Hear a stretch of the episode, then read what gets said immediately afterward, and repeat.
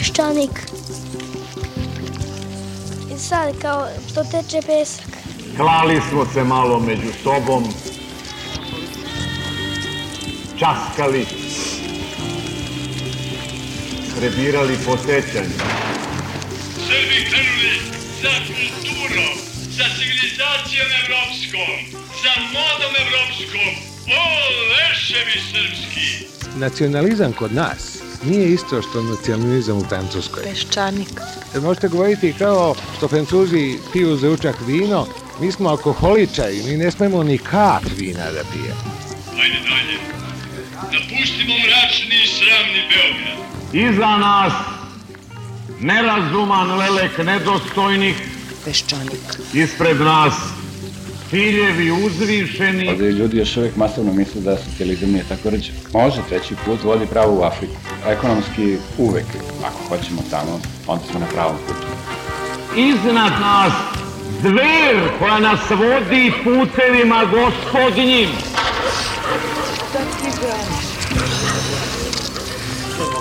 I da ne zatvorim oči, Peščanik. ja mogu da zamislim Srbiju kao najdinamičniju zemlju na Balkanu i jednu košnicu sa malo trutova i puno radilica. Ako ne uspemo, niko nam neće biti kriv. I dugo smo, dugo još putovali. Dakle, mi smo izgubili 5. oktobar, da tako kažem. Nepredviđen. Na televiziji vidim da se i rezultat drugog svetskog rata promenio. Ugleda smo u bistroj vodi naša lica. Prema tome, ja očekujem da će Srbija krenuti nešto novo tek kad pobedi Turke na Kosovo. Iznenada briznu smo u plač. Peščanik.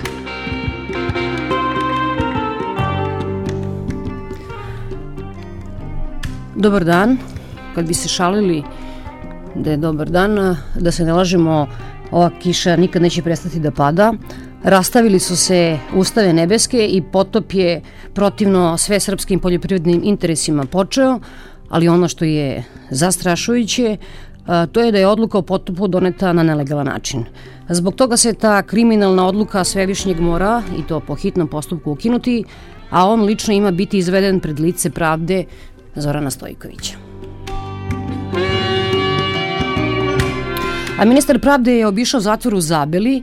Ne mogu tačno sad da se setim da li da bi sprečio nezakonite vizite Dragoljubu Milanoviću, raznih političara ili da bi ga sam posetio i skratio mu zatvorske dane.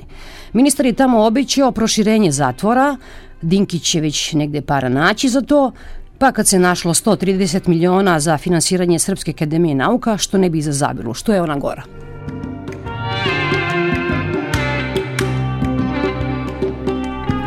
A ako baš nema para, evo ga, tu je Karić. Ove predizborne dane treba iskoristiti ako vam nešto zatreba, ako vam treba plac, fabrika, veštački kuk, kombajn ili plastenik, sad ili nikad tražite od Karića i on će dati, naravno pod uslovom da se pridružite, kako već sada kaže, njegovom pokretu. Silvija Berlusconija su zvali italijanski Hudini, a Karića često zovu srpskim Berlusconijem i on kao i Berlusconi koristi svoje bogatstvo da bi došao na vlast, a kad dođe na vlast koristit će da bi se dalje bogatio. Italijanima se kažu sviđao, zato su izglasili Berlusconija, sviđao im se njihov, njegov projekat eh, kojim je on nameravao da pretumba Italiju.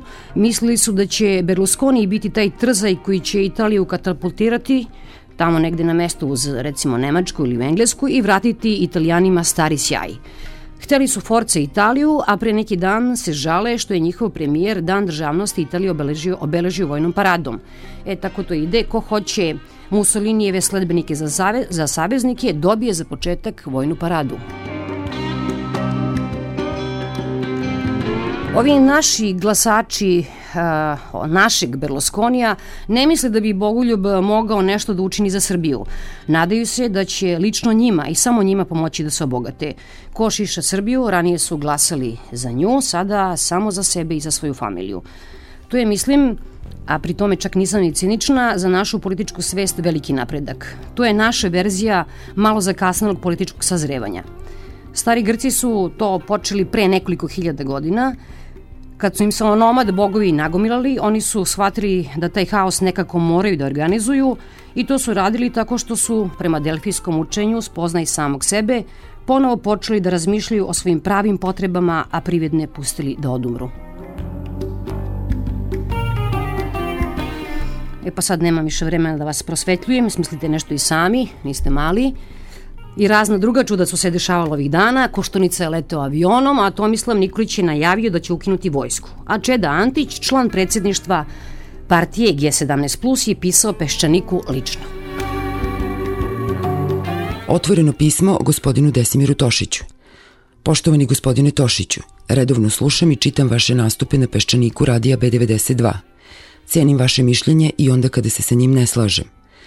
Vas i mene deli generacijski jaz od skoro šest decenija i zato do skora nisam smatrao za važno da vam se u povodu naših različitih mišljenja obratim.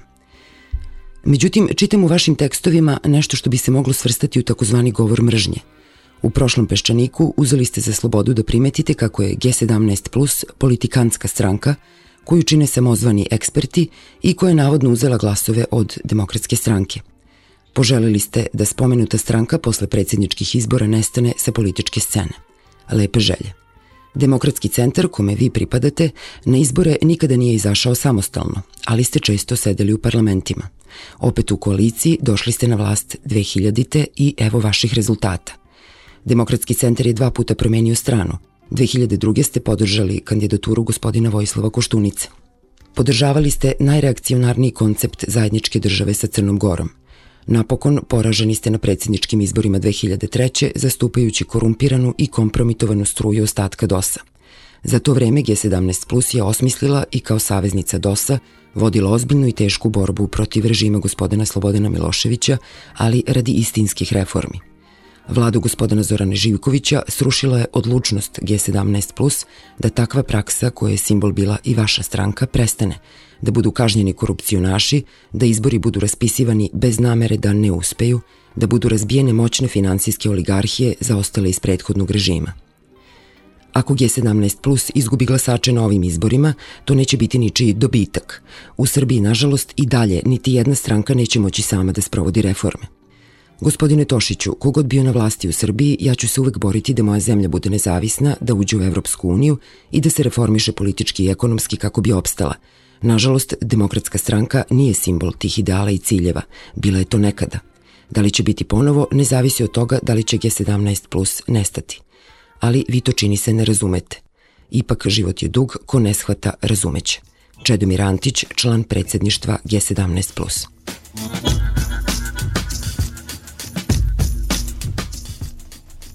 Da nastavimo sa Peščanikom. Govori gospođa Vesna Pešić, govori o, za početak o postignućima vlade Vojislava Koštunice. Posle tih 100 dana vlade, evo recimo u Istanbulu treba da bude sada sastanak na kome smo mi trebali da budemo primljeni u partnerstvo za mir, čak se priča, ne znam da će se to i desiti, da će biti primljena Bosna i Hercegovina, a da Srbija i dalje neće biti primljena. Zamera nam se recimo i to što se stalno govori da treba da pokažemo dokaz da nije na našoj teritoriji Ratko Mladić.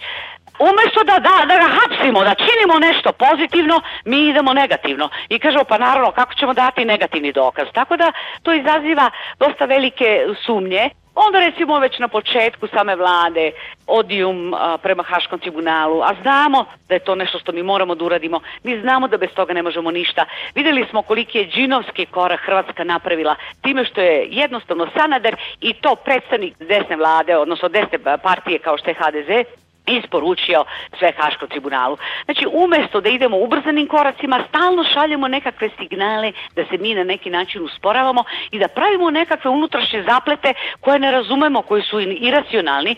Recimo, napadi na porodicu Đinđić deluju nama svima veoma iracionalno. Nisu uhvaćeni ti ljudi koji to rade. Meni zvuči prilično kao nekakav negativni signal ako se čuje da su neki ljudi u crnim kombinezonima upali u 10 sati noću u kuću sestre Zorana Đinđića, ko je pravo da kaže, nisam ni znao da je još imao sestru, znači neko nisam ni mešala ni u kakvu politiku, i ko je lupa i njoj nekakvu inekciju. Znači ima dosta tog uznemiravanja i sve to šalje nekakve negativne talase i čini mi se da smo se opet toliko zagledali u neki svoj pupak.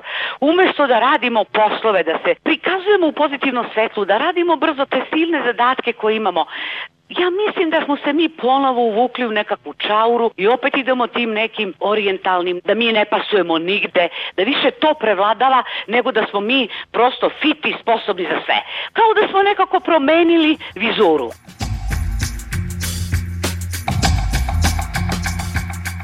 To je isto recimo jedna neuralgična tačka koja se pojavila u vezi sa delovanjem nove vlade i vlasti u vezi sa suđenjem za ubistvo premijera Đinđića. Ne znam zašto se oko toga pravi tolika histerija i tolika nervoza.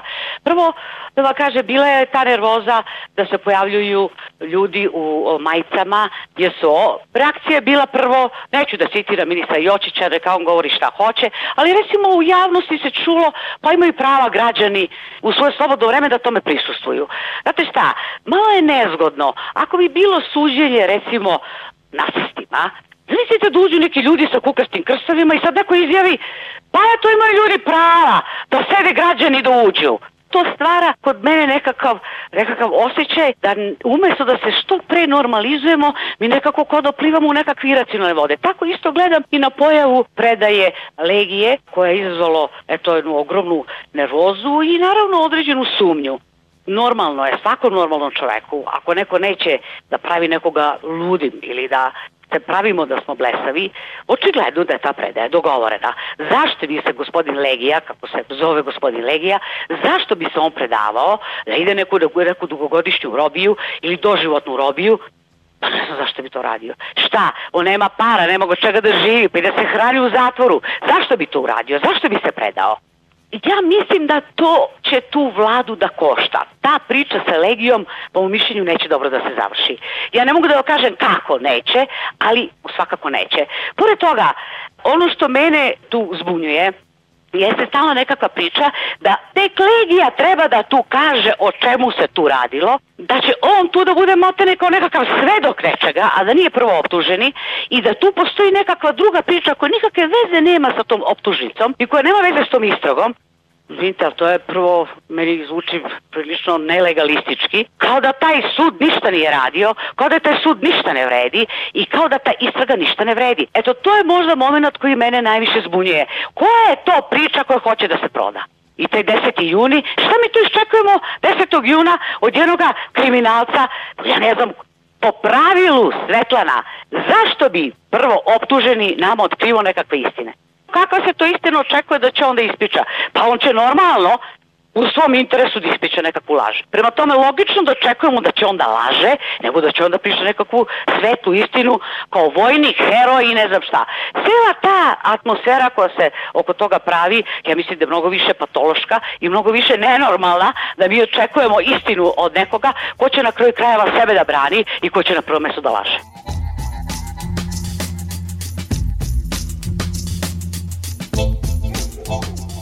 Misli da je vlada pokrenula jednu dosta negativnu kampanju, da se kandidat njen postavio u centar, odnosno da kaže u centar Srbijo. Međutim, centar između levog i desnog nije centar iz koga se lupaju šamari i levo i desno i gde se protivnici levo i desno definišu kao ekstremisti, za jednoga sigurno ne može da se kaže da je ekstremista, a to je predstavnik demokratske stranke, a onda ta sredina ne znamo šta je. Pa onda se kaže mi nećemo da budemo totalni izolacionisti, da izolujemo Srbiju od sveta, ali nećemo da budemo ni mafija. A ja ne znam šta je njihova pozicija. Taj centar, da bi stvarno bio centar, ako hoćete da se definiše u smislu nešto između levog i desnog, to bi trebalo da nešto i blisko i jednom i drugom, i levom i desnom. Znači nešto, nešto pomiriteljsko, nešto ujediniteljsko. Međutim, je neki čudan negativni centar koji je, se ispostavlja kao pretarano konfliktan. U Srbiji mi imamo onoliko konflikata koliko imamo, ali ne moramo da ih stvaramo veštački jer to prosto nije dobro, ni za donošenje za ustava, ni za donošenje drugih zakona, niti za izgradnju naših institucija o kojima toliko pričamo taj centar ne može da bude centar ako je toliko konfliktan. Pored toga, ta vlada nije toliko moćna, ona je sastavljena od četiri stranke, znači ona je jedna krha vlada, tako da preterana konfliktnost, naročito koja se iskazuje prema demokratskoj stranci, sa kojom su do juče bili saveznici i na koji se vrši neviđeni pritisak, ja ne vidim uopšte logiku zašto se to radi. Ta netrpeljivost zahteva jedno javno objašnjenje. Neka nam se kaže u kom pogledu, ajde da kažemo da su neki ljudi nisu dobro radili u vladi. Pa dobro, odgovara vlada za to. Konačno to nije bila vlada samo demokratske stranke, to je bila jedna veoma široka vlada sa jako mnogo stranaka. Tu je bio i G17 do juče, pa tu je bio i DSS konačno do juče odjedaret je taj strahovit diskontinuitet, pa se pravi jedna ekvidistanca recimo između predsjedničkih kandidata. Jednako je udaljen radikalni kandidat, koliko je udaljen i kandidat demokratske stranke. To u najmanju ruku za građane deluje zbunjujuće. Ja očekujem nekako objašnjenje da mi se objasni od kad je to demokratska stranka postala prvi neprijatelj demokratske stranke Srbije? Od kad se to desilo? Koji je to konkretno događaj? Pa nije voda ako neko ukrao, pa dobro ukrao je, ali Nije li da zbog toga najveći mogući neprijatelj, da se onda sve tempira na jedno diskreditovanje ljudi iz demokratske stranke, ono gde je možda najjasniji taj primer ovo čemu govorim. A to je stalno preslušavanje i napadi na gradsku vladu. Pa svi smo hvalili do sad, zaista nismo imali nikakve primetbe na rad gradske vlade. Otkud sada da se i tu počinje da se ljudi pitaju i da otkrivaju nekakva scenarija za blamiranje i uništavanje demokratske stranke. Pa da li je to sada naš cilj da uništavamo i da budemo toliko partijni? Meni se čini da sam od e, Demokratske stranke Srbije očekivala da će pre svega da je, kad je došla na vlast, da interesuje formiranje države, državnih institucija, a ne tolika partijnost toliku partijnost i toliki pritisak pred same izbore, skoro da se ne sećamo. Znate ono kad su hapsili otpor i upadali u nevladine organizacije na leto i avgustu 2000. godine, to je već nije navijašto, to je nešto što je razumljivo, ali tolike pritiske organizovati, recimo uključujući gradsku vladu, mislim da to stvara jednu lošu atmosferu, ne samo lošu atmosferu, nego, otvorno rečeno, to izgleda prilično nedemokratski.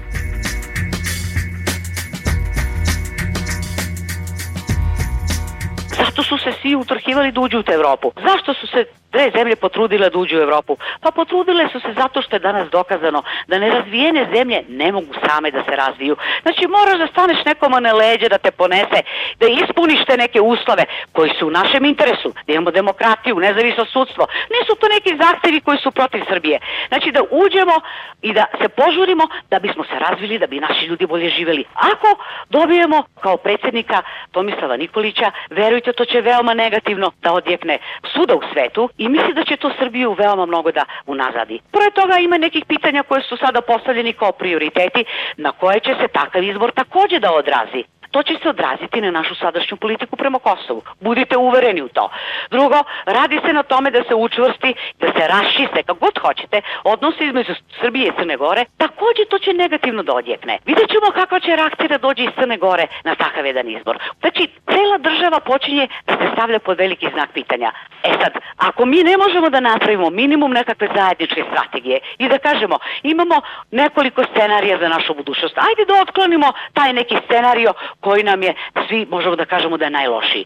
S ovom sadašnjom politikom, eto recimo ono što sam rekla malo pre, da su uspostavi potpuna ekvidistanca između recimo dva kandidata, da se oboje proglasa jednako ekstremnim i da se onda kaže ja sam u sadini, a to su dve negativnosti, nemojte za te dve negativnosti, ja mislim da je to prosto netačno. Boris Tadić to ne kaže. On ne izjednačuje ta dva kandidata. On pravi razliku.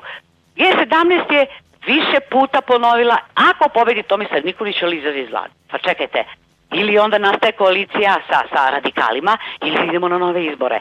Sad moram da vam kažem da sam ja krajnje zabrinuta da taj ishod bude negativan ukoliko možda u poslednjem momentu ne dođe do promene i da u drugom krugu eto i vladine stranke da pozovu da se glasa za Borisa Tadića pošto očekujemo da će najverovatnije Boris Tadić biti u drugom krugu.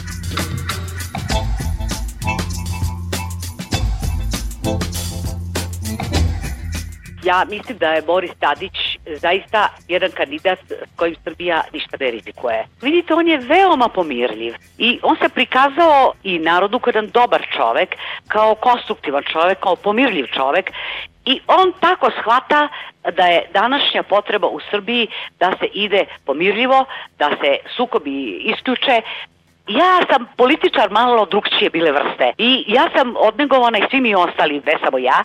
Mi smo odrasli u jednom vremenu i formirali smo se kao veoma konfliktni političari jer smo imali jednu konfliktnu situaciju, sećate se da sam ja tri meseca bila na ulicama i sad možda za ukus jednog drugčijeg osjećanja politike gde smo mi bili u permanentnoj svakodnevnoj borbi i ne smo mi kao političari, nego i građani Beograda. Setiće se, nije bilo dana, mi smo tako reći i sata u sat, 24 24 sata dnevno i to je bogamo trajalo godinama. Tako da možda ja kad to kažem ili kad neko drugi kaže ima jedan, jednu viziju politike, jedno osjećanje politike koje je bilo konfliktno u jedno veoma konfliktno vreme. Boris Tadić lansira jednu drugu politiku. Da li će ona biti dovoljno dobra, vidjet ćemo.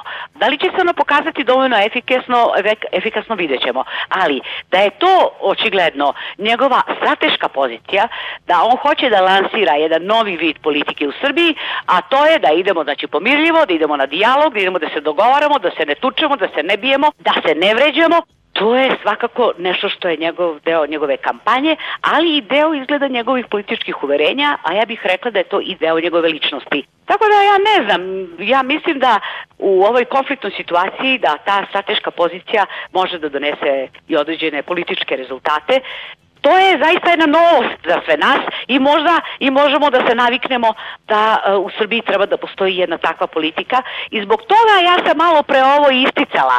Otkud to da se tu neki ljudi nazivaju ekstremistima? Pravo da vam kaže, demokratska stranka je uvijek bila jako uberena stranka. Kada ne govorimo o Borisu Tadiću, Pa, eto tako i da kažem, na starijih političara, ako nešto i zameramo Borisu, to je upravo suprotno. Znači, što nije malo jači, što nije malo više ekstreman, što nije malo više Tako da ta etiketa da se tu radi o nekakvom ekstremisti zaista ušte ne stoji i ta ekvidistanca koja je uspostavljena prema dvojici protivnika i da se tu traži nekakav centar, mislim da ta koncepcija nije dobra i da to može da košta vladinu koaliciju jer ta pozicija njoj ne može da donese nikakve koristi. Čitajte radio na b92.net. Peščanik. Repriza subotom od 16 do 17.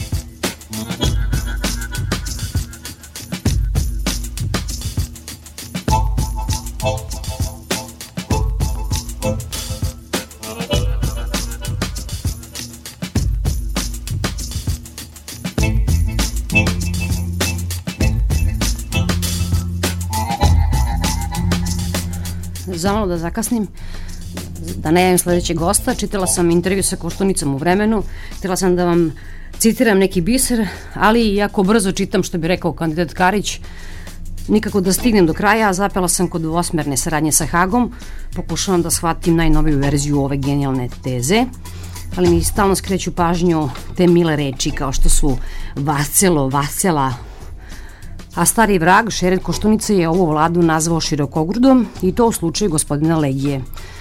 Svetlana i ja danas slavimo sa našim gostima 100 dana vladanja ove širokogrude vlade koja je pokazala neverovatnu efikasnost.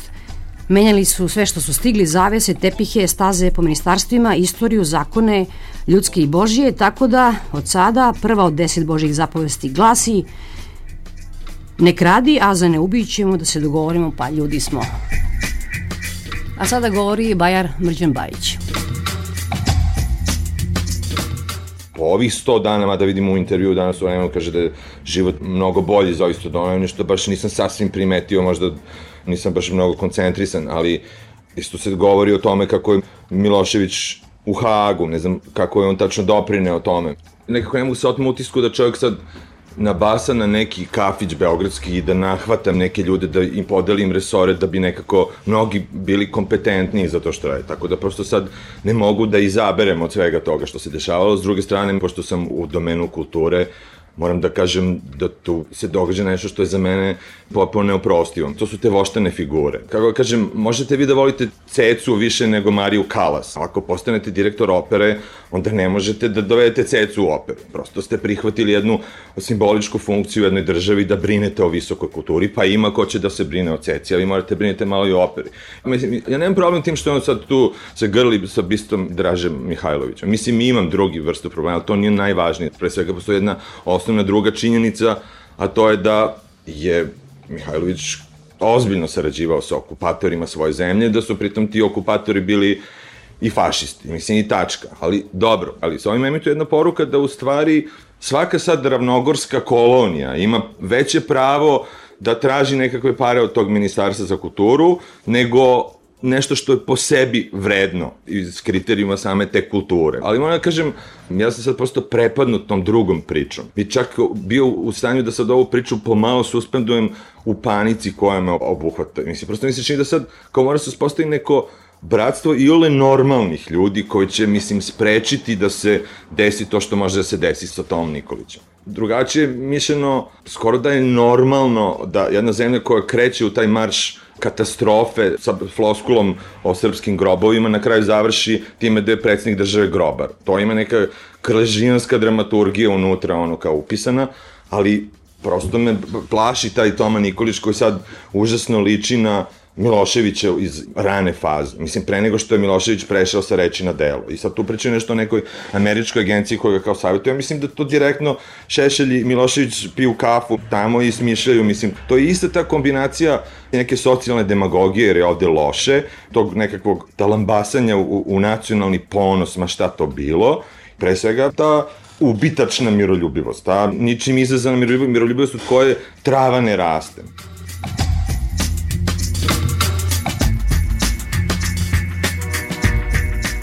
Toliko ima, mislim, tih uh, raznih afera, da vi više ošte ne možete da razdvojite ko je sad ukro, ko nije ukro, ko je ukro, ali se pravi kao da mu smeštaju, kome smeštaju, a potpuno je čist. Evo sad ta priča sa Legijom. Čovjek je izjavio da, mislim, je bio sve vreme u svojoj kući, da je bio, oni treba da provere da li to istina, da li tamo ima nekih buđaka u koje može da, onda da to totalno demantuju. Stalno neko nešto zna i prosto mi ovde stalno uvek verujemo nezvaničnim informacijama. I sad kao nešto sad će Legija da kaže, mislim, prvo, on je čovek prvo optužen u nekoliko procesa i mislim normalno da mora nešto smisli. Problem je u tome što sad recimo ljudi kao što Nikola Milošević upotrebljavaju to da kao neki tajni argument. A na kraju kad vi čujete šta zaista oni imaju, da kaže, evo sad su izjavili da su vreme atentata bili na Ibarskom magistrali zato što su slavili nečiji rođen, ne znam da ste to čuli. Sad kao, toliko mnogo ljudi iz jedinica JSO je bilo na tom mestu zato što su slavili neki rođen. Sad, znači, šta slavili su rođene u Budvi, pa posle na Fruškoj gori, pa na Ibarskom magistrali, pa ispred pa mislim, duvali u svećice, pa pukla guma na travaju. Mislim, pravi se nekakva fabulozna priča koja će se desiti, kojom se zapravo realno manipuliše.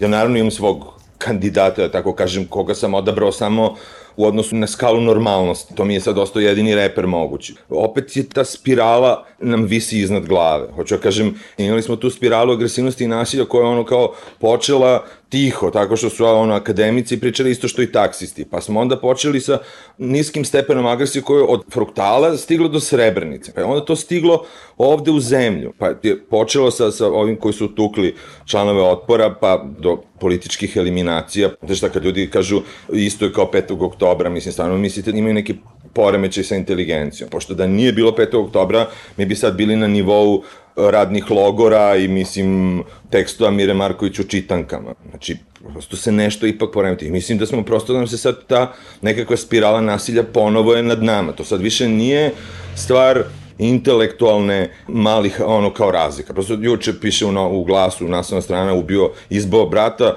zbog debele svinje. Mislim, pa valjda možemo se ponašamo preko toga. Mimo toga sad ono samo kao da se pakujemo. Ja nekako još uvek možda naivno držim da će se u drugom krugu, odnosno kad prođe prvi krug, mislim, to mi čak izgleda i fair enough, kao imaš dva demokratska kandidata, nečija su merila to šta je prljava kampanja, šta nije niža, nečija viša, on se tako ponaša, mislim, kao kažem, svako od nas kad se svađa ide do nekle. Pa sad kad je jedan od tih bolji, ja mislim da onda, kako kažem, red da se, mislim, naivna je priča koju pričam, znam, ali prosto mi je logična, tako ne mogu da pričam nelogične priče.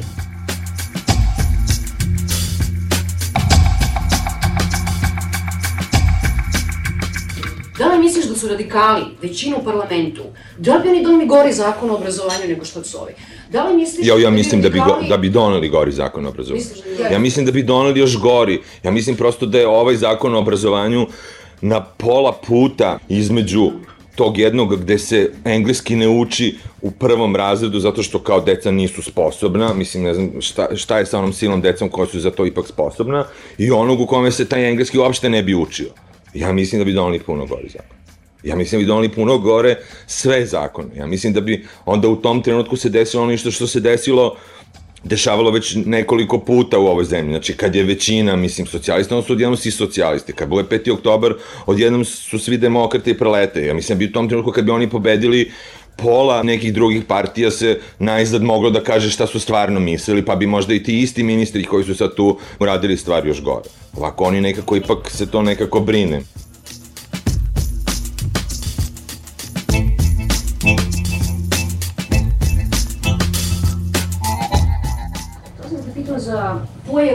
Garića. Pa čujem da, da osniva i neku partiju, ne znam kako će se ono dati, mislim, pokret belih čarapki. Šalim se, preterujem.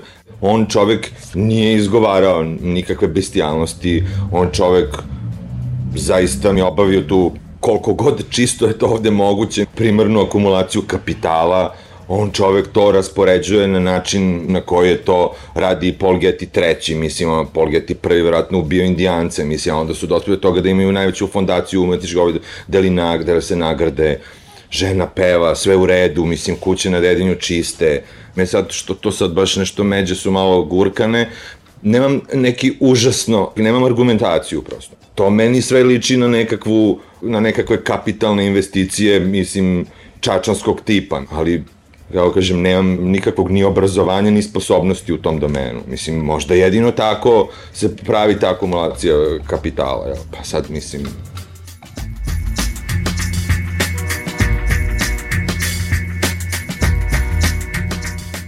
A šta misliš o ovom kandidatu Tadiću? ima to sad priča, mislim, o čemu ona deca, ono lika. Seljaci, gasim televizor čovječe, pa nemoj mi otežavati toliko. Pa da, ali to, mislim, mene, mislim da je to usmereno na mene. Ako se drže tribine po gradu, onda kome se obraćate? Uoči ovoga što treba da se dogodi. Mislim, kako kažem, imam nekakav prioritet. Kroz to što sada govorim, možda govorim malo ublaženo. Dobra deca i onako se pristojno ponašaju. A one lošu decu malo treba da se ubedi, verovatno, ne znam. ta ponuda, mislim da to reklamne kampanje slože, da ta ponuda koliko god je moguće svima bude jasna i slože da, mislim, sve te silne marketinške agencije oposle nešto. A to je sad već onako dramatično, to se sad ne zvuče, nema veze sa ovim, ali sve najvažnije kuće u gradu imaju krpe preko sebe. Od hotela Slavije 1 do hotela Slavije 2 do Beograđanke, Albanije, svuda, mislim, ono su, čuo sam da negde postoji ono militantno društvo boraca protiv reklama. Ne vidite više fasade uopšte, ne vidite kuće.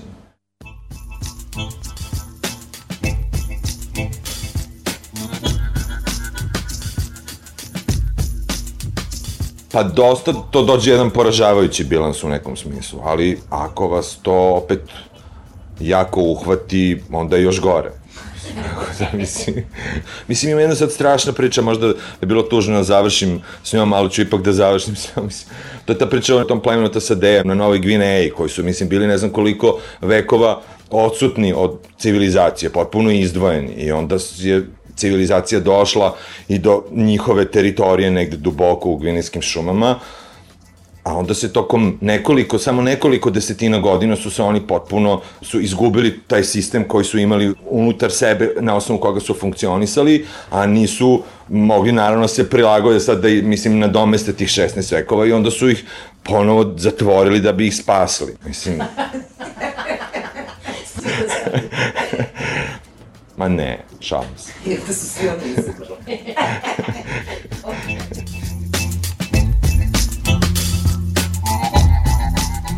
Bio je ovo uh, Vajaram Mrđan Bajić, a sada slušate advokata gospodina Srđu Popovića. Ja i dalje mislim da je ovoj vladi, govorimo o Koštunici, pre svega o DSS-u, da je njihov glavni cilj i da oni tako vide stabilnost u tome da se događa što manje. Ja mislim da je to jedan jedan kažu, jedno shvatanje stabilnosti. Nek se ništa ne mrda, neka život stane. Jer život vuče na jednu stranu na koju oni ne žele da idu. To je jedno. Drugo, i to je onako neki, kako bih kazao, politički sadržaj te njihove aktivnosti. Ali njihov motiv i njihova emocija je apsolutno mržnja. I to je nešto gde ja vidim da se mi vraćamo na život pod Miloševićem, je i kod Miloševića je glavni motiv političkog angažmana bila mržnja. On kad god je govorio, on je nekog mezeo. Da li je mezeo Zapad ili je mezeo Clintona ili je mezeo Albance ili je mezeo Tuđmana, on je stalno ljude pozivao da mu se pridruže, da nekoga meze i ljudi u svojoj frustraciji su to prihvatali jer ako neće nekog da meze, morali bi sebe da meze. A uz ove poslednje tri godine mislim da je to počelo polako da nestaje. Ali sada ponovo sa, sa Tomom Nikolićem, koji je pravi mrzitelj, onaj, on je isto što i Milošević u tom pogledu, e, se pojavljuje i Koštunica i ceo DSS sa tom skrivenom, potajnom mržnjom. I ja mislim da je to mržnja koja se u njima kuvala dugo i sada kad su se dočepali vlasti i vlade, oni ne uspevaju više ni da je sakaju. Ovo što je Mihajlo napravio, recimo, je samoubilačka stvar. To što su pokušali, to je ličilo, recimo, na Matića, to je ličilo na Jul, to je onako bilo, kako kažem, bezobezno agresivno. I mislim da su vrlo iznenađeni bili da im se bar na nivou medija vratilo ko bumerang.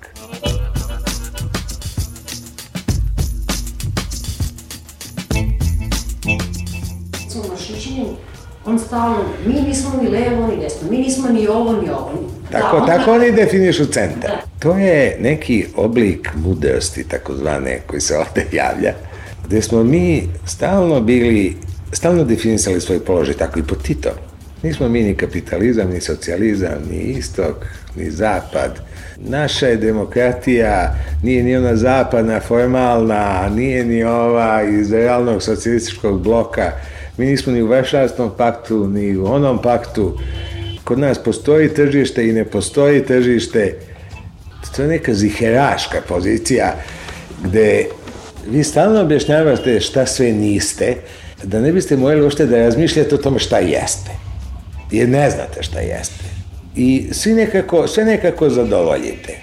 Samo što u ovako teškoj situaciji kako se mi nalazimo, bojim se da takav stav je vrlo opasan, jer mi se davimo, a nećemo da plivamo.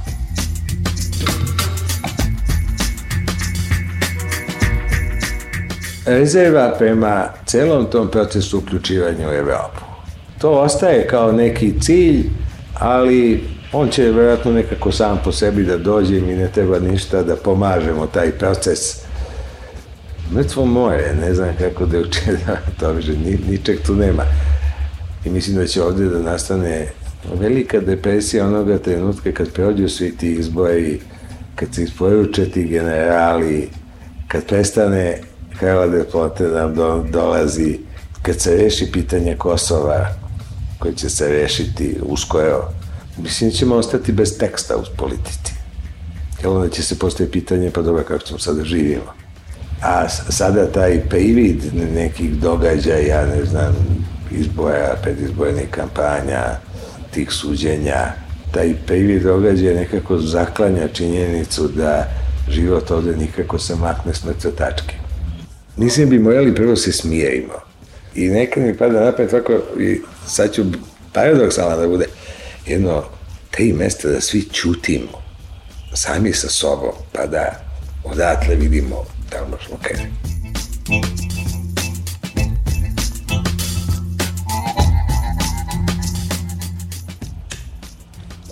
Možda jedinu nadu tu daju neke male stvari. Mislim, to je jedino što ja vidim onako zbog čega se nismo povešali svi. Što ipak postoje neki mali poslovi koji mogu da se radi. I to svak zna šta je to. U svojoj okolini zna šta je to.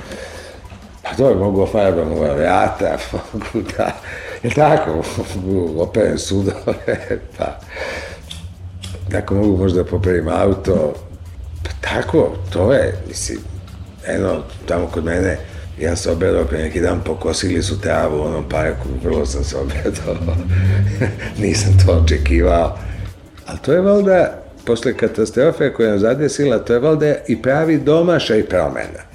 Svima mislim da bi bilo lakše kad, kad bismo konačno videli gde smo i kad bismo konačno sebi dozvolili padnemo u to čajanje, pa onda odatle korak po korak, bez nekih velikih iluzija da to možemo sutra i preksute sve da, da dovedemo u red. Ne možemo. Da mi se otimamo u stvari, Pa, mi se otimamo da shvatimo gde smo, a to ne pomaže, tu smo gde smo. Šta god mi mislili o tome, mi smo tu. Stalno se Koštunica brine da ćemo ući u istoriju kao ljudi koji su izvršili genocid, pa izvršili smo, pa sad ne vedi, oko toga se bakćemo, sad možemo, možemo nešto popravimo. A sad da lažemo još 20 godina sebe i druge, pa to nas nikud neće odvesti. Posle tog 5. oktobra, ne znam da li zato bilo snage, za isporačivanje možda nije bilo snage, ali bilo snage, kaže, jeste. To se sve dogodilo. Taj sud je u pravu. Vi ste protiv toga izručivanja. Pa dobro, onda nećemo izručivati. Ali da znate, jeste, stvarno se tako dogodilo. Pa sad kako hoćete. Najlakše je kad napravite neku svinjariju, kažete, izvini, pogrešio sam, daj da idemo nekako, šta ćemo sad. To je najlakše. I to vam je odmah nagrađeno. Celo društvo postaje kao neka tvrđava laži. Ko da smo u nekoj tvrđavi se našli i lažemo sad svi zajedno, čak ni jedni drugima više nećemo priznamo. Ovo s ovim Haškim sudom, gledam sad ova, ova pomoć Haškim optuženicima. Ustavni sud je doneo svoju tu odluku da suspenduje primenu zbog toga što se time neravnopravno tretiraju isti slučajevi, recimo kojima se sudi ovde i kojima se sudi u Hagu. A onda Koštunica kasnije u jednom intervjuu u stvari objasni šta je motiv bio donošenja tog zakona. Motiv je donošenja tog zakona bio, kaže on, da se napravi neki red u odbrani. A to znači, kako ja to čitam, kaže i ta priznanja ne postoje nigde, samo kod nas, jer nismo napravili taj red u odbrani. To znači da se država preko toga što plaća branioce, umeša prvo u izbore branilaca, to znači ja plaćam branioce, mogu i da, i da vam odredim branioca, i drugo, da utičete na odbranu i da sprečite ta priznavanja koje njega tako užasno pogađaju. E sad, ja to čitam kao advokat i kao branilac i vidim da neko pokušava da mome klijentu propiše odbranu koja je u interesu neke države, po mišljenju Koštunice, a da on nema prava da prizna ako je to u njegovom interesu. A ljudima je vrlo često, kada im je sve dokazano, naravno u interesu da priznaju, bolje će proći.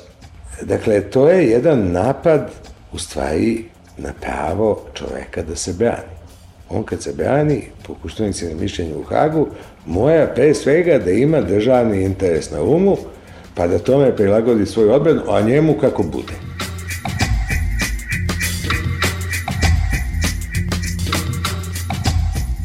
Umeđu vremenu sam saznao šta znači dvostrana saradnja.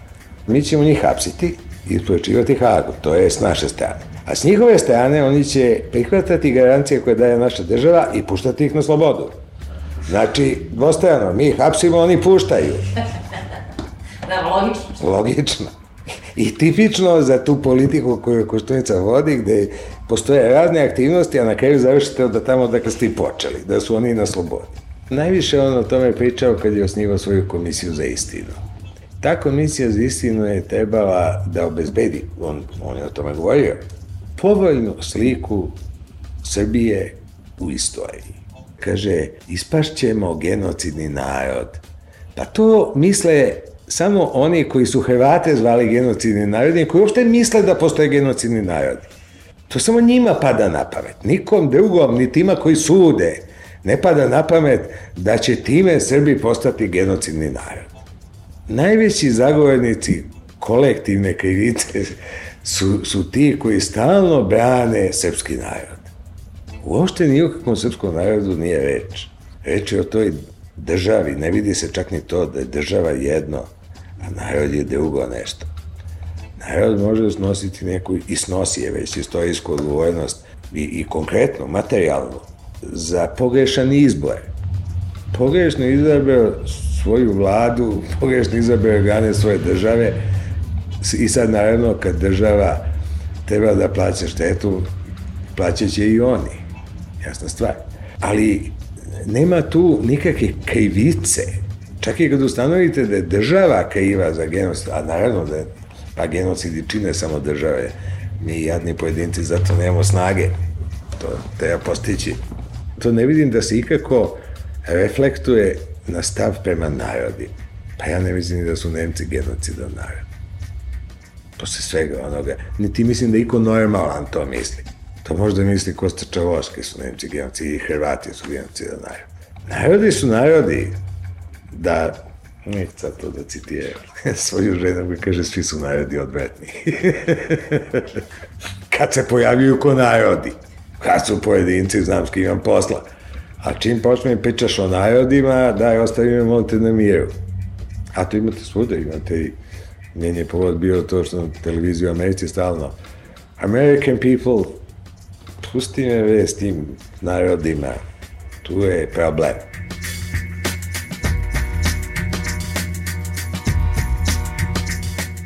Ovo što je utvrđeno sad Krstićevom presudom, tu je utvrđena njegova krivica. Utvrđena je međutim činjenica da je genocid postoje. Sad ću još da vam zakomplikujem, ja više. Naši pravnici ne mogu da shvate i vidim da to čak i ako ljudi za koje sam mislio da to bolje razumeju među stručnjacima, se čude kako je on mogao da bude osuđen za genocid, za pomoć u genocidu, a da se kod njega ne utvrdi postojanje namere da izvrši genocid. Jer polaze od toga da to po našem zakonu ne bi bilo moguće i po našem stvarno ne bi bilo moguće. Jer po našem zakonu taka je namera neophodna i ne može neko biti osuđen za pomoć u genocidu ako niko nije osuđen za izvršeni genocid. To znači prvo neko mora da je izvršio taj genocid, pa onda ja mogu biti kriv što sam ga pomagao. Međutim, u sudu u Hagu postoji, postoji samostalno krivično delo pomaganje genocida. Druga je priča kako će to da ima uticaja na suđenje pred Međunarodnim sudom pravde. Taj sud pravde po tužbi za genocid samo utvrđuje da li je postojao genocid. On ne mora nikoga individualno da oglasi krivim, nego samo posmatra činjenice. On nije krivični sud. On samo konstatuje štetu koja je time počinjena i obavezuje, ako ustanovi vezu sa državom koja stoji iza toga, utvrđuje visinu naknade štete. U anglosaksonskom pravu postoji mogućnost da vi štetu tražite i kada je taj oslobođen na krivičnom sudu. A logika iza toga je da za osudu čoveka na zatvor potreba mnogo veći stepen izvesnosti, tako reći skoro apsolutna sigurnost pre nego što ćete mu oduzeti slobodu. A da za naknadu štete je dovoljno da pokažete da je to verovatno da se dogodilo. I tako ste imali u slučaju, recimo u taj čuveni O.J. Simpsona, koji je u krivičnom sudu bio oslobođen. Ona porota smatrala da nema dovoljno dokaza da možda ga osudi, a onda su ga sudili građanskom tužbom za štete i taj sud ga osudio, plati neke milione dolara, jer je bilo dovoljno osnova da se učini verovatnim da je on stvarno to učinio. Znači, ne dovoljno da ga pošljemo u zatvor, ali dovoljno da mu naplatimo štetu. I to je ono što se događa pred Međunarodnim sudom pravde. To je tužba za naknadu štete. I važi ista ta logika koju sam kazao, tamo je dovoljno da se učini verovatnim da je genocid izvešen. A to mislim da neće biti neki najčesti problem. Bez obzira na Krstića i bez obzira na Miloševića.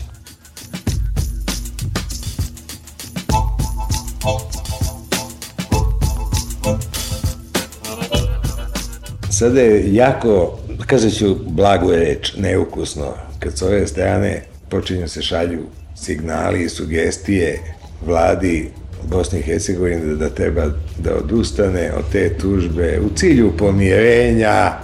Pa ti si tužen, naravno, da bi ti voleo da ne odustane od tužbe u cilju pomirenja.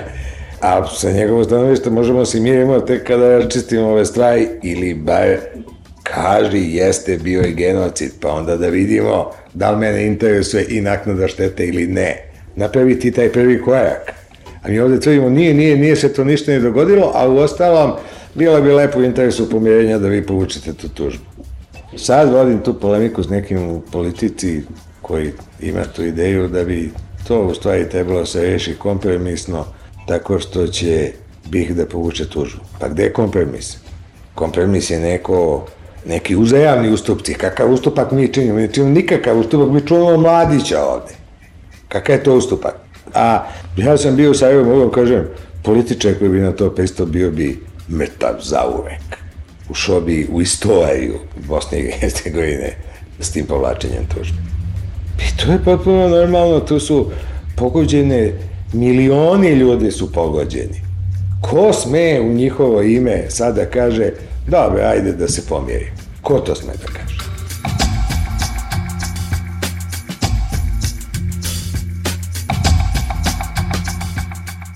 Mi recimo sad ne bijemo petnika države, mi bijemo domaćina. I svako domaćinstvo naravno krije kriminalce iz porodice. I negira i laže policiju i tako se to tu shvata. Zato što smo mi organska nacija. Mi nismo društvo u kome postoje razne uloge i sad se zna ako neko napravio nešto u svojoj ulozi, neko odgovara, brate. Nego smo mi jedno biće. I o tome se govori o narodnom biću. Mi smo jedno biće. Pipnite u jedno, pipnuli ste u sve. Ako je kriv jedan, krivi smo svi. U onom smislu u kome kad Partizan pobedi zvezdu, on viče, a pobedili smo vas. Ko je pobedio, sedeo si u naslonjači, gledao u televiziji, pio špejcere, koga si ti pobedio, nisi nikog pobedio, niti onaj od nekog izgubio. To je to stadionsko shvatanje kolektiviteta, mi. I to ono kad kažete porodica. I to u zemlji koja statistički može da se dokaže, do okviru porodice se prebijaju na smrt sekirčetom. Pa to je idealna porodica. To je idealna porodica. Zamišljena narodna porodica. Samo sloga Srbina spasava. Sad ja se složimo svi oko svega. Pogledajte, pogledajte vi šta se dešava recimo u takozvanom političkom životu i zašto ljudi s pravom kažu da je to jedno predpolitičko stanje. Postoji socijalna baza svake partije u svetu. Samo kod nas sve partije pretenduju da reprezentuju sve, to znači Srbe. I svi se obećaju Srbima i samo se boje oko toga ko će ubediti te neizdiferencijane Srbe da će ih bolje predstavljati. A bolje predstavljati gde? Tu nema uopšte onda nikakvog političkog sukoba. Svi smo jedna masa. Samo prema napolju. Ko će nas bolje predstavljati kada razgovaramo sa Evropskom unijom, a ko će bolje kada razgovaramo sa Albancima ili kada razgovaramo sa Bosancima ili zastupamo državu pred sudom, Međunarodnim sudom pravde. I svi se boje za to jedno te isto biračko telo i naravno maksimalno mu podilaze jer nemaju drugi način da im možete objasne zašto bi baš oni trebalo da budu ti koji, koji će ih sve predstavljati. A u osnovi svega je da bi sistem trebao bude jednopartijski. Jer ako jedna od tih partija najbolje predstavlja to biračko telo, onda su sve druge potpuno nepotrebne. Jer oni predstavljaju Srbe, a ne predstavljaju nikakav deo stanovništva ako ima neke partikularne interese u celom tom složenom društvu. I vi kad kažete da vi želite dobre ovome društvu, a ne smatrate nužno da te budete srpski nacionalista, ljudi uopšte ne razumiju o čemu vi govorite, jer ovde ne postoji nijedna druga politika nego nacionalna politika. I onda se, cela politika se svodi na to i naravno to nije nikakva politika.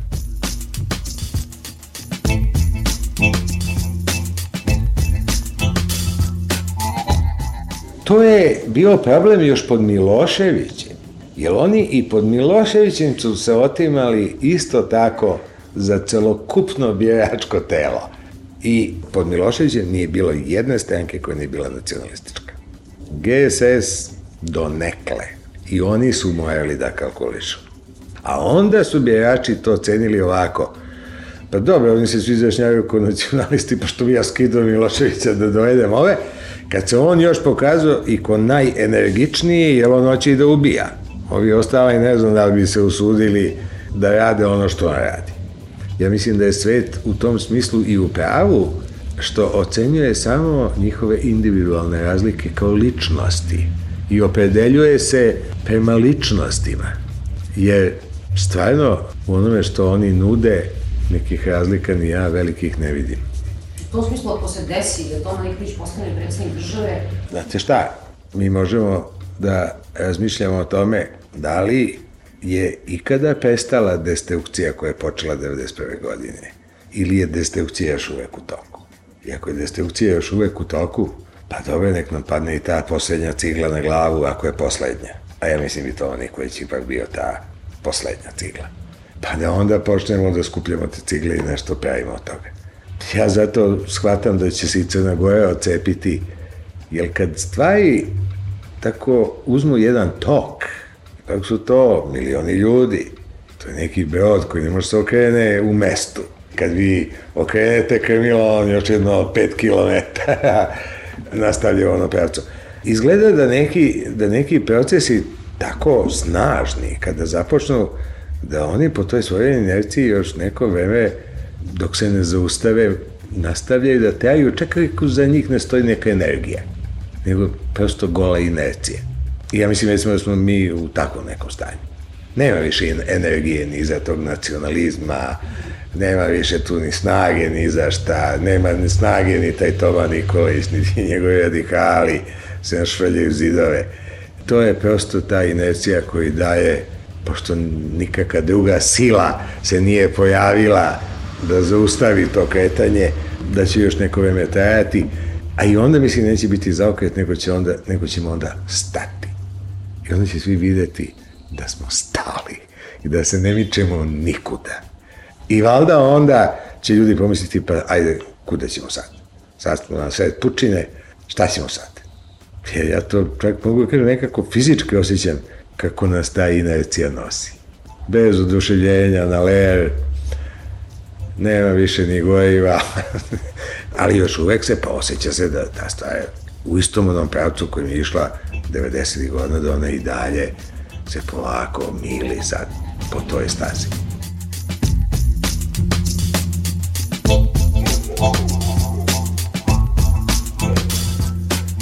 A to je sirotin.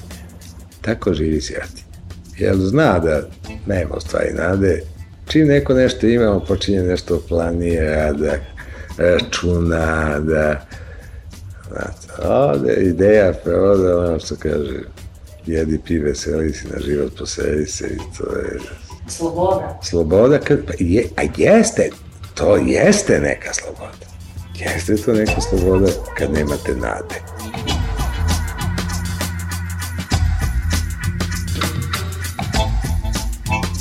Peščanik. Repriza subotom od 16 do 17. Čitajte radio na b92.net. Peščanik. Ako gre sunce, idemo nadu da se brčkamo sa Borisom Tadićem. A, I bilo lepo, bilo loše vreme, ministri će ovih dana, a Dinkić je već počeo, krenuti po Srbiji da objašnjavaju građanima šta su im porali za prvih 100 dana vlade. Ne moraju da sraćaju kod ramskog pisa Nenada Prokića, on o tome već ima neke svoje uvrnute ideje.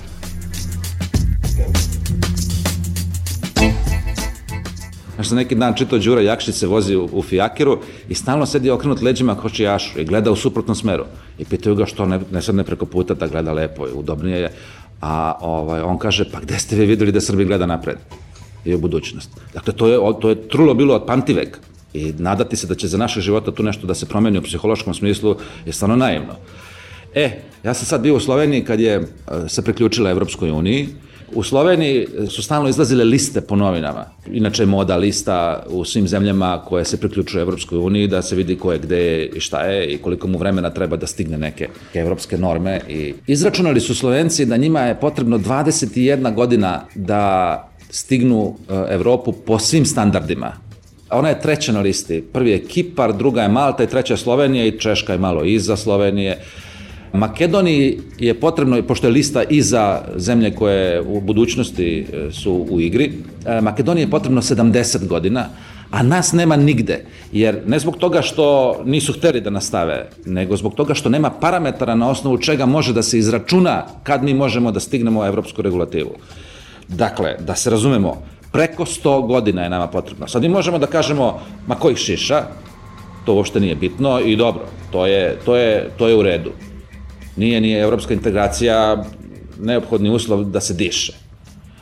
Ali mi smo pokušali jedan put da budemo van i to uopšte ne izgleda naivno. Tamo će, mi moramo biti unutra, ako ćemo biti treća, četvrta kategorija, zbog toga što se, će se tamo diktirati uslovi i mi ćemo po tim uslovima igrati bez obzira da li smo unutra ili nismo. Pa bolje da budemo onda unutra. Mi možemo da govorimo o tome da je zapadno društvo ili Evropa da je kvintesenca nepravde, da je to mrtvo društvo, da je Kina u stvari ta koja ima uzleta, da Evropa više ništa ne proizvodi, ali prvo mi smo u Evropi, drugo mi moramo da delimo sudbinu dakle onog prostora na kome živimo. To je već stara boljka srpska da, iako im narodne poslovice govore, ne traži leka daleko od sebe kad te uvede zmija, nego neku tu travu odmah privi, oni uvek traže neke Rusije i Kine, a umesto da se okrenu ka e, susedima koji su u neposrednoj blizini. Ja da sam ministar spoljnih poslova, koga najvažnija zemlja u okruženju ne želi da primi, ja bi istog trenutka dao ostavku. Šta ja mogu da učinim po pitanju spoljne diplomatije kada zemlja koja je nama najbitnija u okruženju i uopšte jedna od najbitnijih zemalja u svetu za nas je Hrvatska, jer svi putevi vode preko Hrvatske, jer je to zemlja koja, s kojom govorimo isti jezik i zemlja s kojom smo imali ozbiljne neprilike poslednjih 10-15 godina, neće da primi prvog čoveka diplomatije. Bez obzira da li su oni u pravu ili nisu u pravu, Ja mislim da jesu u pravu što neće da ga prime, jer su obrazložili dobro zbog čega to neće, ali bez obzira da li je to tako ili nije, sama činjenica da on ne može da stupi na tlo susedne države je nešto što njega diskvalifikuje kao osobu koja može na ravnoj nozi da razgovara bilo sa kim u svetu. Ja imam jednu teoriju da pitanje, recimo, Kosova, nije mogao da reši ni Milošević da je vodio najbolju politiku. Ta priča je završena pre 50-100 godina. To više niko nije mogao već u vreme Miloševića kad je on došao na vlast, to se nije moglo rešiti. On je naravno to još uništio na najgori mogući način, svaku mogućnost da se tamo nešto popravi, ali to već sada nije moglo da se reši u nekom smislu da svi budu zadovoljni i da to bude zaista napravljeno dobro rešenje. Ovde je problem užasno, užasno dubok i daleko seže u istoriju. Neke stvari se najbolje rešavaju tako što se uopšte ne rešavaju i ovde bi trebalo jednostavno podvući crtu, zaboraviti sve i baviti se samo da se Đura Jakšić da pređe na ono drugo sedište da gleda napred. Nema više ništa, jer toliko su ta opterećenja velika da je najbolje tradiciju ignorisati postoje bolesti u vinogradu koje se samo krčenjem mogu iskoreniti. Nema više tog leka.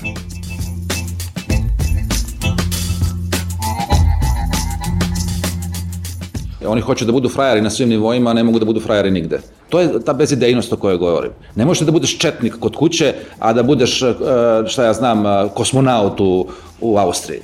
To sad jedno i drugo ne ide. A oni hoće da budu kauboji, a ne govore engleski.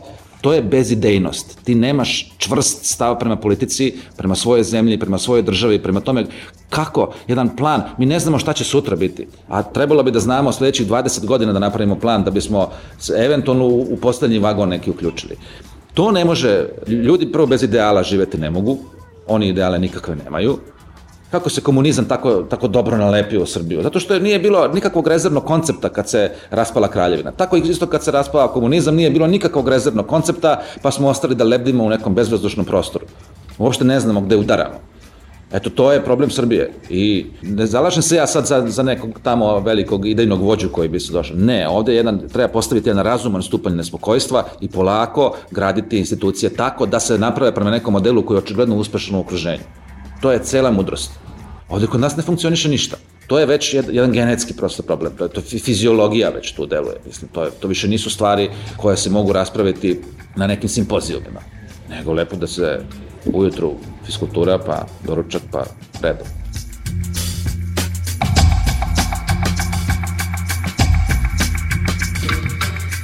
Oni i dalje ratuju sa mrtvim Đinđićem. Ti njega pitaš koliko je sati, on kaže Đinđić je krao. Ali bez obzira na to, u Srbiji kad se kaže Đ, prvo se pomisli Đinđić. I to je ono što njih strašno boli. On je smestio, to Đ je smešteno u istoriju i to je nešto što oni ne mogu da podnesu. To je mesto koje oni nikad neće zauzeti i svi njihovi potezi kreću od tog negativnog stava i, i ratom sa jednim čovekom koji je streljan, a s druge strane i, i sa njegovom idejom koja se raskomadava nakon svega toga, a s druge strane, kad ti imaš takvu vrstu jednog negativnog stava prema životu, prema bilo čemu što je konstruktivno, i jedan negativni odgovor apsolutno na svako pitanje kad se odgovara tako negativno sa jednim istim odgovorom, onda mora da iza toga proviruje ta bezidejnost. I onda svaki takav potez koji oni naprave je u stvari alibi za nešto što bi trebalo da izađe iz neke ideje. Neki postupak koji bi bio sveobuhvatan i koji bi proisticao iz iskrenog, autentičnog odnosa prema svetu i životu. Pošto ga nema, onda se napravi jedan potez koji će biti najmanje nepopularan. Daju se sredstva direktno u Hilandar ili ne znam nija šta. To ne može baš niko da ti zameri toliko. Dakle, mi uvek treba da biramo između poteza i da biramo onaj koji je najmanje loš. Meni je toga dosta. I na izborima da biram za najmanje lošeg i da biram uvek izlaze svake situacije koji je najmanje loš. Ne, hoću da biram baš nešto potpuno pozitivno. Nešto što ima i većih izgleda na uspeh. A nama se takvo uopšte nikada ne plasira ovde. Mi nismo nikada u situaciji, to je udobnoj, luksuznoj situaciji da biramo ono što je naš interes. Nego biramo ono što će manje nas opali po glavi. I to je onda država koja je nesrećna, u kojoj su ljudi nesrećni. A To je kao oksimoron, mislim, nema tu sada odakle to kreće. To možda kažemo da kreće od vrha vlasti, ali, ali opet vrh vlasti ima podršku u narodu za to. I sa šta, šta sad ti to da pričaš? Ako neko hoće Tomu Nikolića, šta sad ja tu mogu da radim? Ne mogu ništa. E sad, da ja njemu sad objašnjavam nešto, neću, više dosta mi je, 15 godina mi svi ovde nešto objašnjavamo, da, ne znam, treba da, da se živi lepo, a ne naprotiv ružno. Pa to je imbecilno. Ne možeš ti da kažeš da je ova vlada kriva, a, a onda sada optužiš narod, to je isto takođe što je nešto potpuno deplasirano, ali de facto jeste tako, mislim, ono. To je kao kad kažu bosanci, pa dobro, odgovara Milošević, ali mi hoćemo da odgovarate svi. Vi ćete sad svi nama lepo, lepo da odgovarate, sledećih 400 godina ćete plaćati reparacije ratne. A sad mi kažemo, danas Toma Nikolić na radiju B92, kaže, što su tužili Šešelje? Milion ljudi je trebalo optužiti. Oni su isto govorili i tražili veliku Srbiju, isto kao i Šešelj. I sad milion ljudi treba da ode u Hag. E sad, to je lepo sakrivanje, jeste, mi smo to govorili, ali sad ćemo da sakrijemo iza celog naroda jednoga. Znači, to se narod upotrebljava kao ribi. A narod, takav kakav jeste, da se navoditi na dobro i na zlo, I onda naravno, pošto ga ovi navode samo na zlo, ali opet čitava ta energija navođenja na zla opet ide direktno iz naroda. Tako da to je jedan krug u ko, koji se mora intervenisati, koji se mora razbiti. Zato kažem stalno, Kemal Paša Ataturk, nema fesovi, cilindri od sutra ujutru i čao. I sad ti pričaj sa cilindrom na glavi šta hoćeš. Nema drugog izlaza uopšte osim toga. Mi ćemo ovako da se koprcamo, ko zna koliko. I izumreće Srbi na kraju. To, to me vodi direktno. To oni to i vole.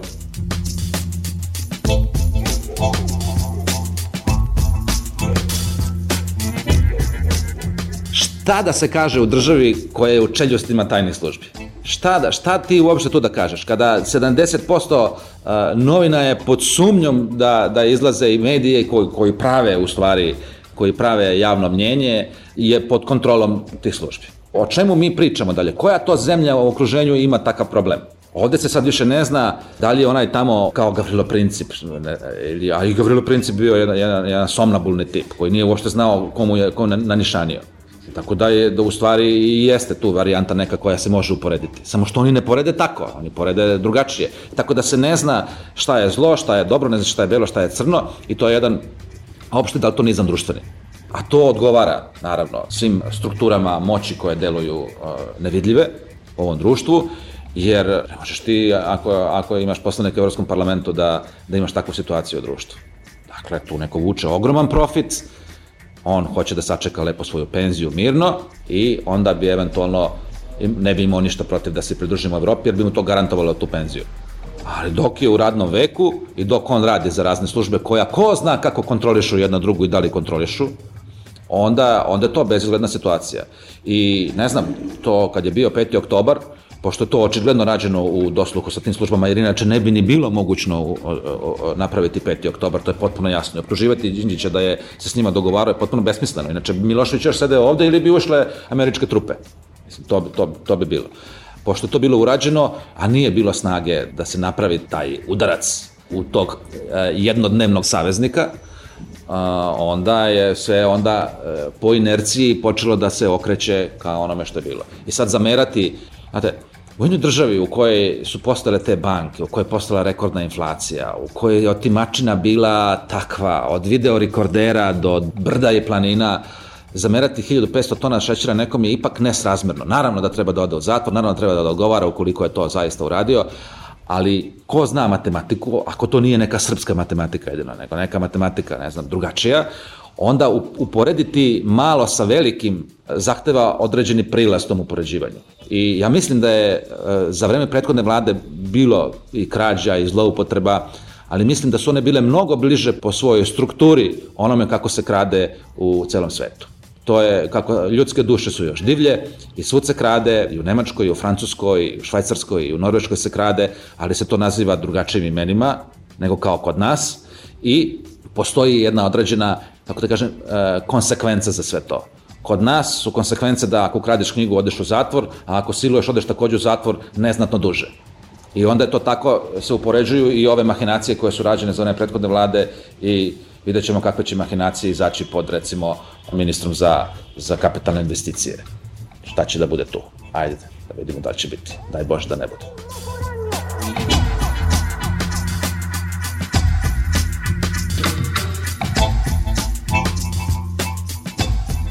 Mi nemamo nikakvu vrstu sigurnosti, nikakvu vrstu, ljudsko biće ipak, čak i životinski svet ima neku vrstu sigurnosti, ne znam, ujutru u savani se, imaš jedno dva, tri sata kad se životinje ne napadaju, pa evo, idu zebre mirno da, da pasu, pa onda krene jurnjeva, kasnije oko podne.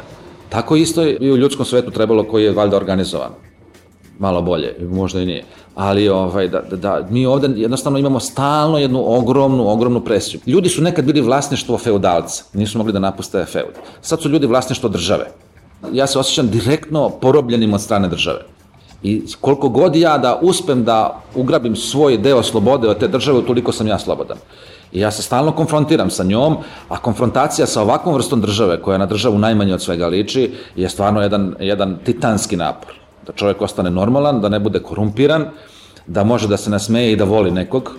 Da ogroman e, deo energije odlazi na to. Kod ljudi koji bi da ne, ne rade samo za sebe nego i za druge. Što je valjda neki ljudski cilj u životu. Ne mislim samo na sebe da ne radim samo za sebe, nego naprotiv da živim i radim za druge i samim tim da se to meni vraća jer onda i oni žive i rade za mene i onda je to neka ljudska zajednica. Međutim, od toga svega ovde nema naravno apsolutno ništa i jedan ogroman civilizacijski problem lebdi nad ovim društvom i to neće rešiti ni Boris Tadić, ni Toma Nikolić, ni Koštunica. To može da reši samo jedna aklamativna volja naroda da više ne bude tako. Čudo. Čudo, ja, ja samo čudo, čudo pa čuda se dešavaju.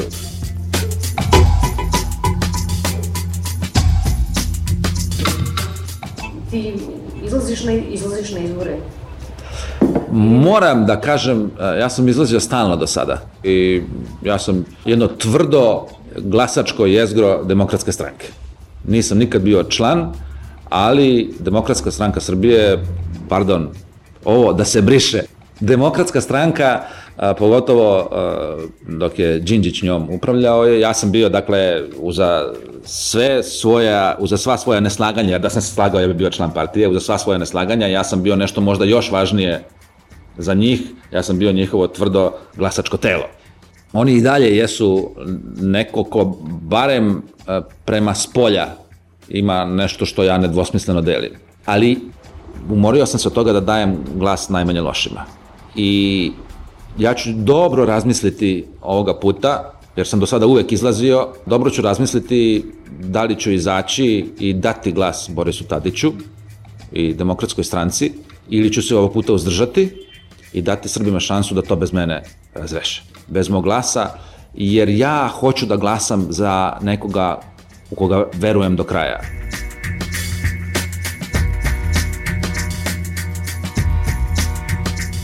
Sada da sam neki ciničan čovek koji može da odlučuje, ja bih sad vratio Miloševića i Šešelja ovde, pa da društvo bude kompletno i lepo da se skupimo svi ovde, jer bi to tako brže trajalo, puko bi čir ranije. Opet bi narod povatio motike pa bi došao pred televiziju, ali to naravno neće biti ovoga puta. Tako trajaće možda malo duže, ali neće biti tako bolno kao što je bilo. Neshvatljivo, potpuno neshvatljivo da je Milošević mogao da vlada toliko godina na takav način. Na pola sata od Beča aviona. Jednim narodom koji sada apsolutno se i ne seća šta je tačno bilo. Ne seća se recimo da je, da je Koštuničina stranka DSS bila jedina stranka koja je bila citirana na Miloševićevoj televiziji ponekad u onom programu za stranke. To je jedina stranka koju je Milošević citirao u svom dnevniku. Sad je odjedan put to nešto drugo. I onda treba stalno da neki Nebojša Popov, se svi pretvorimo Nebojša Popova i onda onako mirnim glasom ko uspavani vrač da, da podsjećaš nekoga, ali opet džaba.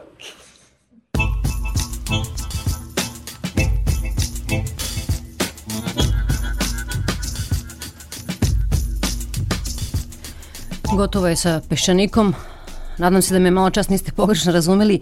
Nisam vam predlagala da idemo u nedelju da se kupamo na Adu zajedno sa Borisom Tadićem zbog toga što um, njemu treba neki glas i što ja agitujem za njega, nego zbog toga što se nadam da je lepota prenosna, da se prenosi kroz vodu, tačnije.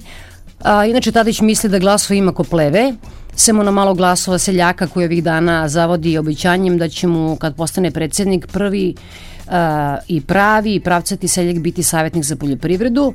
Po, njego, po rečima njegove mame znamo da Boris zna za gicetinu, a seljaku savjetniku bi prvi radni zadatak bio da predsedniku donese slikovnicu i da svako jutro pokaže na slici po jednu travku, biljku, voćku, domaću životinju. Znate ono slika krave, a đak samo treba da kaže mu ili be, šta god hoće, u ostalom predsednik je.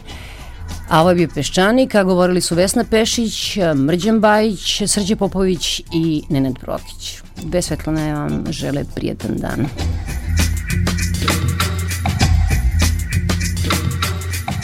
Čitajte radio na b92.net. Peščanik.